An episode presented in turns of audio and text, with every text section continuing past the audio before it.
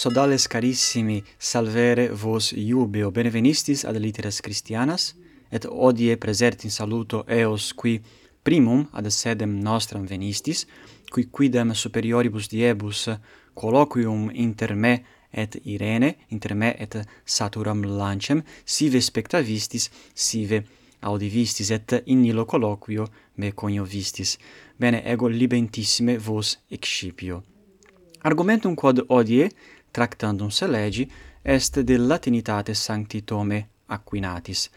De hoc argumento mentionem feci, uh, aliquot, uh, ante aliquot diebus apud pipiatorium, et vos rogavi, utrum hoc argumentum vobis placeret nec ne, et quidam vestrum responderunt et dixerunt hoc argumentum cordi esse et mea sententia est argumentum mai momenti.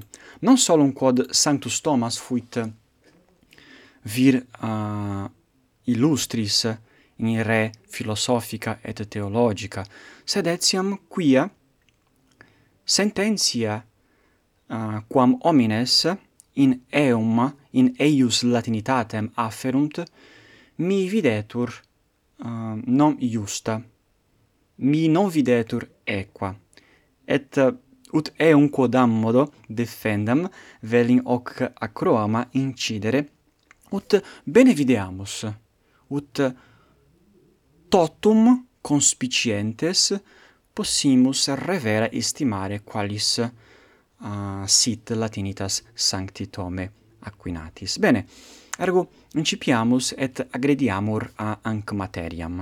Ergo, cur tam ieiune iscripserit Sanctus Thomas querimus interrogamus.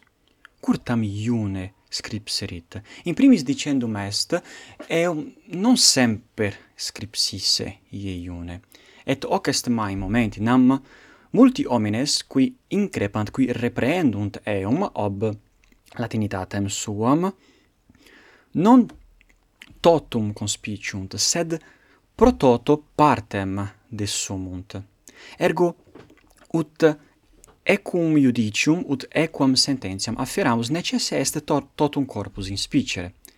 Et ut scimus sanctus Thomas scripsit molem molem quam non possumus dilucide in spicere presertim in parvo acroamate sed possumus locos ex diversis uh, ex diversis operibus, ex diversis generibus operum de promere et inspicere, et investigare, utrum semper Sanctus Thomas illo modo, id est illo modo qui videtur a uh, fedus scripserit necne. Bene, in primis, videmus non nulla adiuncta rerum ut intelegamus de latinitate Sancti tome Aquinatis.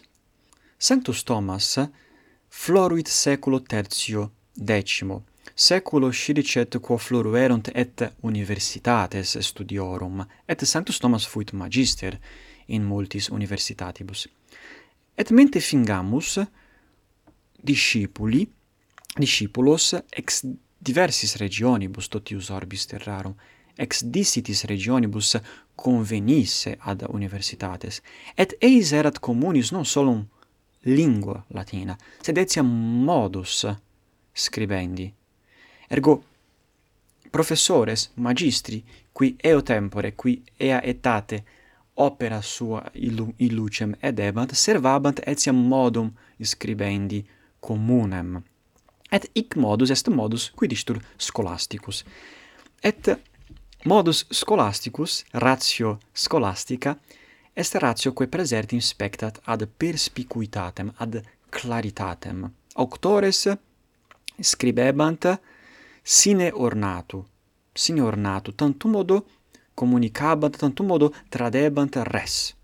Et ita illa scripta, qua quel legimus seculo duodecimo, seculo tertio decimo, sunt scripta quae carent, quae indigent ornatu, indigent pulcritudine.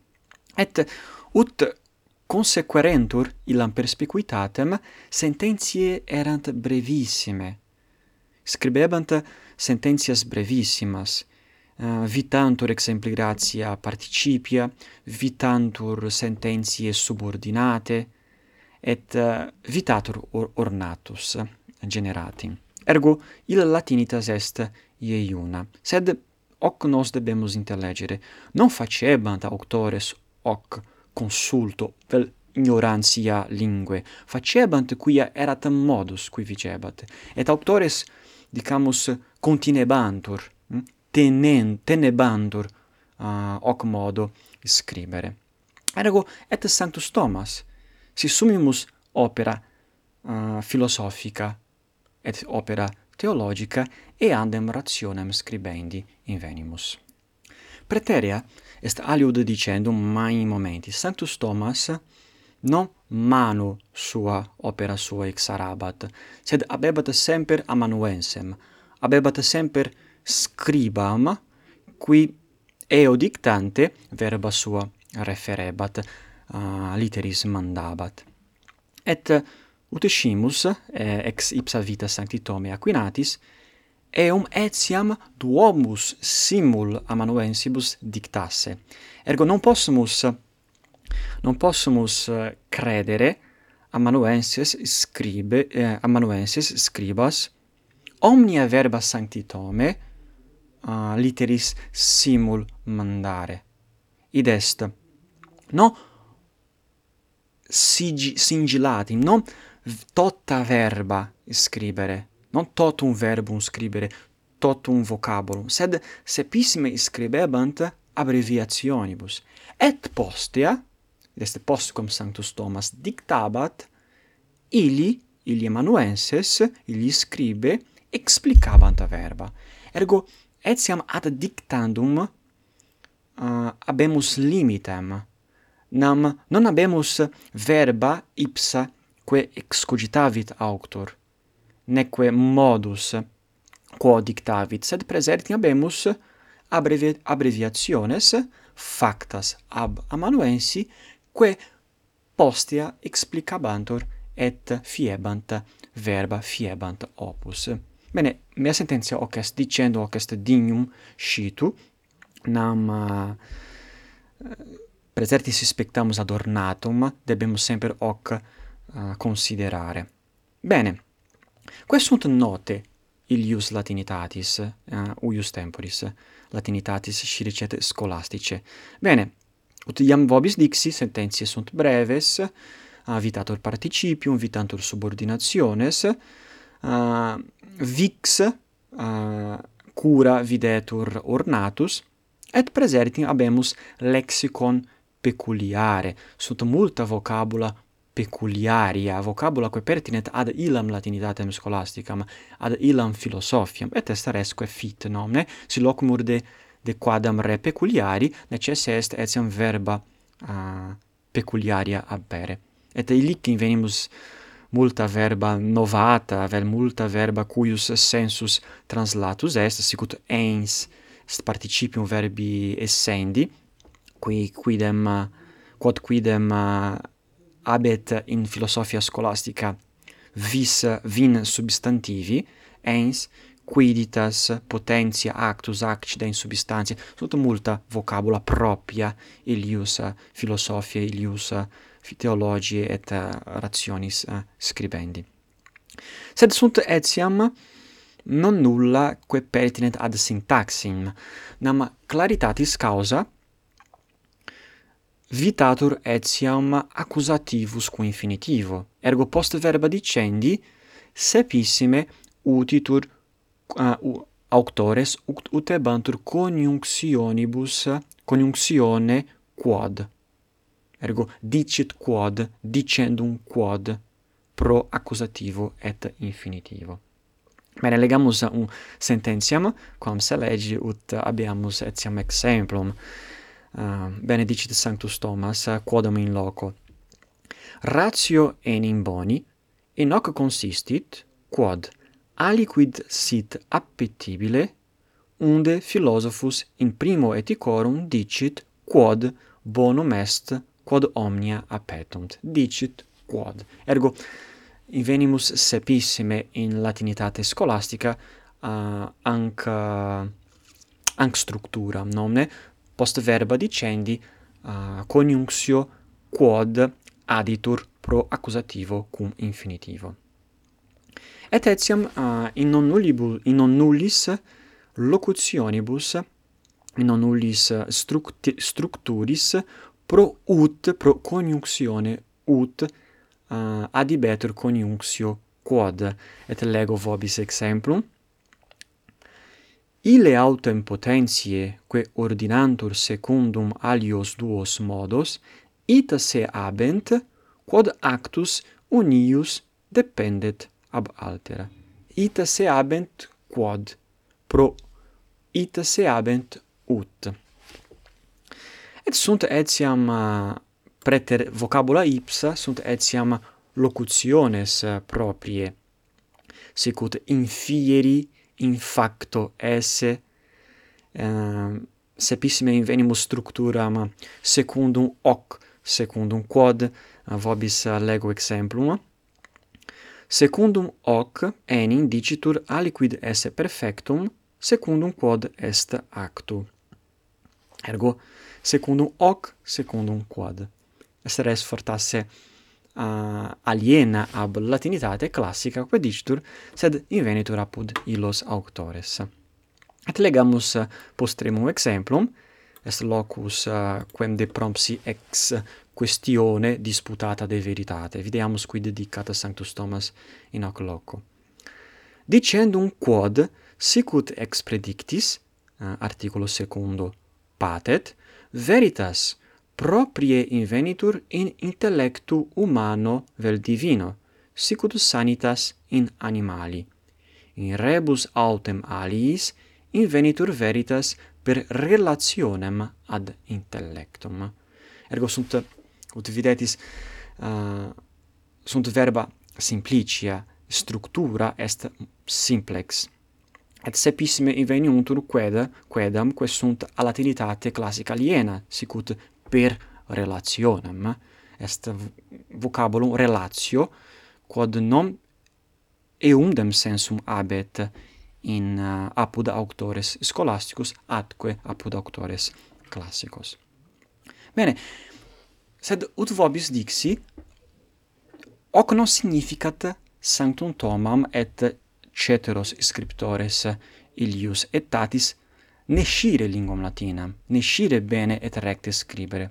Et unde hoc conicio, conicio ex, al, eh, ex alis scriptis sancti tome Aquinatis. Nunc inspiciamus alia scripta, et vobis proponam tres locos, ubi videmus sanctum tomam bene scripsisse et ornate videamus.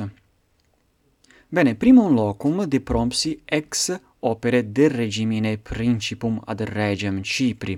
Ergo Sanctus Thomas hoc opus et conscripsit et dedicavit ad regem Cipri.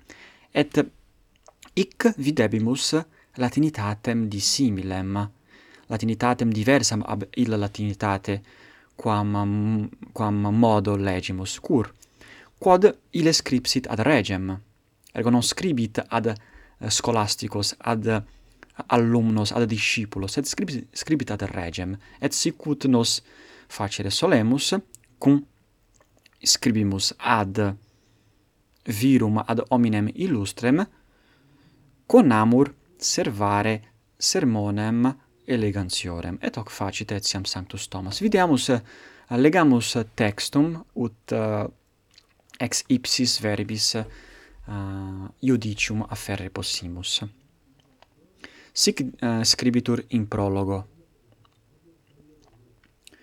Cogitanti mii, quid offerrem regie celsitudini dignum, meeque professioni congruum et officio, id occurrit potissimum offerendum, ut regi librum del regno conscriberem, in quo et regni originem, et ea, que ad regis officium pertinent, secundum scripturae divine auctoritatem, philosophorum dogma et exempla laudatorum principum dirigenter de promerem, iuxta ingenii proprii facultatem.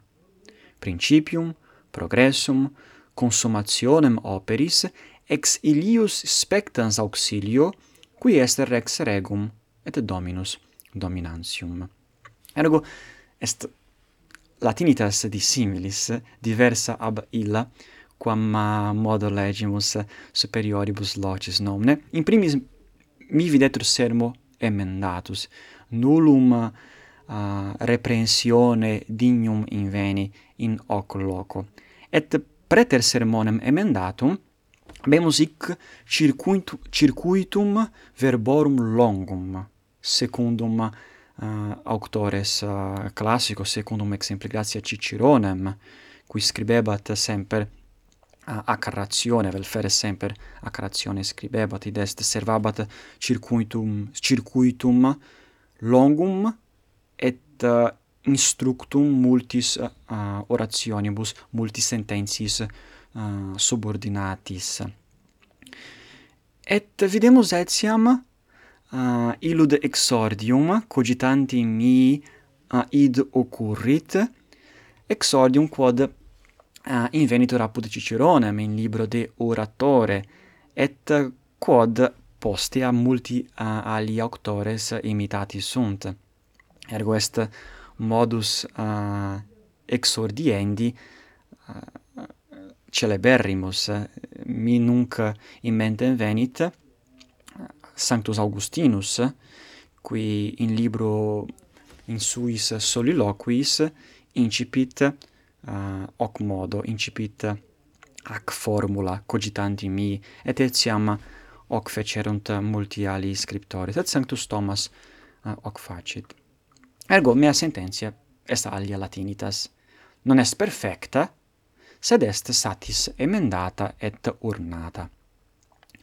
Et dividiamo secundum locum nunc, est uh, prologus, quem scripsit uh, de opere catena aurea, est opus in quo Sanctus Thomas collegit ex diversis auctoribus Christianis, ex diversis patribus, commentarios biblicos, et hoc opus dedicavit pontifici, dedicavit uh, pape Urbano IV. Et vidiamus partem tantum modo ilius prologi. Fons sapientiae unigenitum Dei verbum presidens in excelsis per quod pater sapienter fecerat et suaviter disposuerat universa in fine temporum carnem sumere voluit ut sub tegumento naturae corporee splendorem eius humanus intuitus posset inspicere, quem in celsitudine maiestatis divine attingere non valebat. Bene, ergo ex ac sententia ex uh, hoc parvo loquo intellegimus illum omnino scribere recte latine scribere. Dubium non est quim latine recte uh, scribere sciverit Sanctus Thomas. Et sicut eh, in loco superiore, sicut in loco precedenti, ille scripsit et presertim uh, contextuit circuitum longiorem. Ergo mea sententia est latinitas satis pulcra. Postremo videamus nunc Carmen, quod conscripsit Sanctus Thomas, qui fuit etiam poeta, et eh, conscripsit multa carmina carmina religiosa et uh, elegi duos locos ex carmine pange lingua gloriosi est carmen quod illex aravit in laudem sanctissime eucharisti est carmen notissimum et videbimus nunc qualis sit poeta sanctus Thomas et in primis dignum scitu est eum non observasse syllabas productas et correctas, ergo habemus hic presertim uh, Carmen conscriptum secundum numerum syllabarum et secundum accentum verborum. Et videamus qualis sit uh, qualis sint i versi. Pange lingua gloriosi corporis mysterium sanguinisque preciosi, quem immundi pretium, fructus ventris generosi, rex fudit gentium. Bene, in primis habemus uh, ilam similitudinem soni, in fine uh, cuiusque versus, pange lingua gloriosi, corporis mysterium, sanguinisque preciosi, quem immundi pretium. Primus versus, concordat cum tertius, cum tertio, et secundus versus concordat cum quarto. Ergo habemus A, B, A, B. Et versus A constat octo syllabis, et versus B constat septem syllabis. Et versus A uh, et verba, questunt in vers in versibus A acuuntur, in prima, uh, in prima sillaba, in tertia et in septima. Pange lingua gloriosa in prima, in tertia et in septima sillaba ah, uh, acuit, acuntur verba. Et in versu uh, b prima, tertia et quinta sillaba versus acuitur corporis mysterium quem immundi pretium. Ergo, ille sempre servat et numerum syllabarum et accentum. Bene, de qua re loquitur, enodemus aliquantilum hoc carmen. In primis pange, pange lingua, gloriosi corporis mysterium. Pangere est, pangere carmen est scribere carmen. Pangere est, est seminare, plantare, sed cum loquitur cum loquimur de Carminibus significat etiam scribere, exarare Carmen. Ergo pange o lingua. Uh, pange mysterium gloriosi corporis, quia hic loquitur de corpore Christi de Eucharistia. Sanguinisque preciosi mysterium corporis et mysterium sanguinis. Quem immundi pretium rex gentius, gentium, et fructus ventris generosi effudit. Ergo, ah, sanguinem rex gentium effudit, effudit in pretium mundi, et rex gentium est fructus ventris generosi, est fructus ventris Virginis Mariae. Deinde, nobis datus, nobis natus, ex intacta Virgine, et in mundo conversatus, sparso verbi semine, sui moras incolatus, miro clausit ordine. Ergo, Iesus nobis datus, nobis natus, ex intacta virgine, non est difficile intellectu, et in mundo conversatus, des posticum in mundo uh, versatus est, sparso verbi semine, des posticum predicavit evangelium, sparso verbi semine, clausit miro ordine quid moras sui incolatus? Clausit miro ordine uh, su incolatum suam habitationem in terris. Et commodo clausit clausit cum hoc mirabilis sacramento sed nunc consistamus sed iam possumus ex uh, is paucis versibus intellegere sanctum tomam Eh, etiam verum poetam fuisse, etiam si non scribit, non conscripsit carmina sua secundum rationem uh, eh, classicorum, sed ille abebat ingenium, ingenium poete. Bene, ex dictis possumus conicere eum bene uh, callere linguam latinam. Sanctus, Sanctus Thomas bene scribebat latine, et si in cui busdam operibus videmus latinitatem iunam et latinitatem etiam interdum um, pravam hoc non significat eum hoc fecisse consulto vel hoc fecisse quia ignorabat linguam latina. No hoc fecit quod erat mos in illis eh, uh, provinciis in illis um, in illo contextu utita dicamus ergo mea sententia Sanctus Thomas bene calebat linguam latinam. Nescio quid vos de re sentiati si, si, si, si vultis uh, sententiam vestra manifestare ego libentissime uh, legam et uh, gaudebo.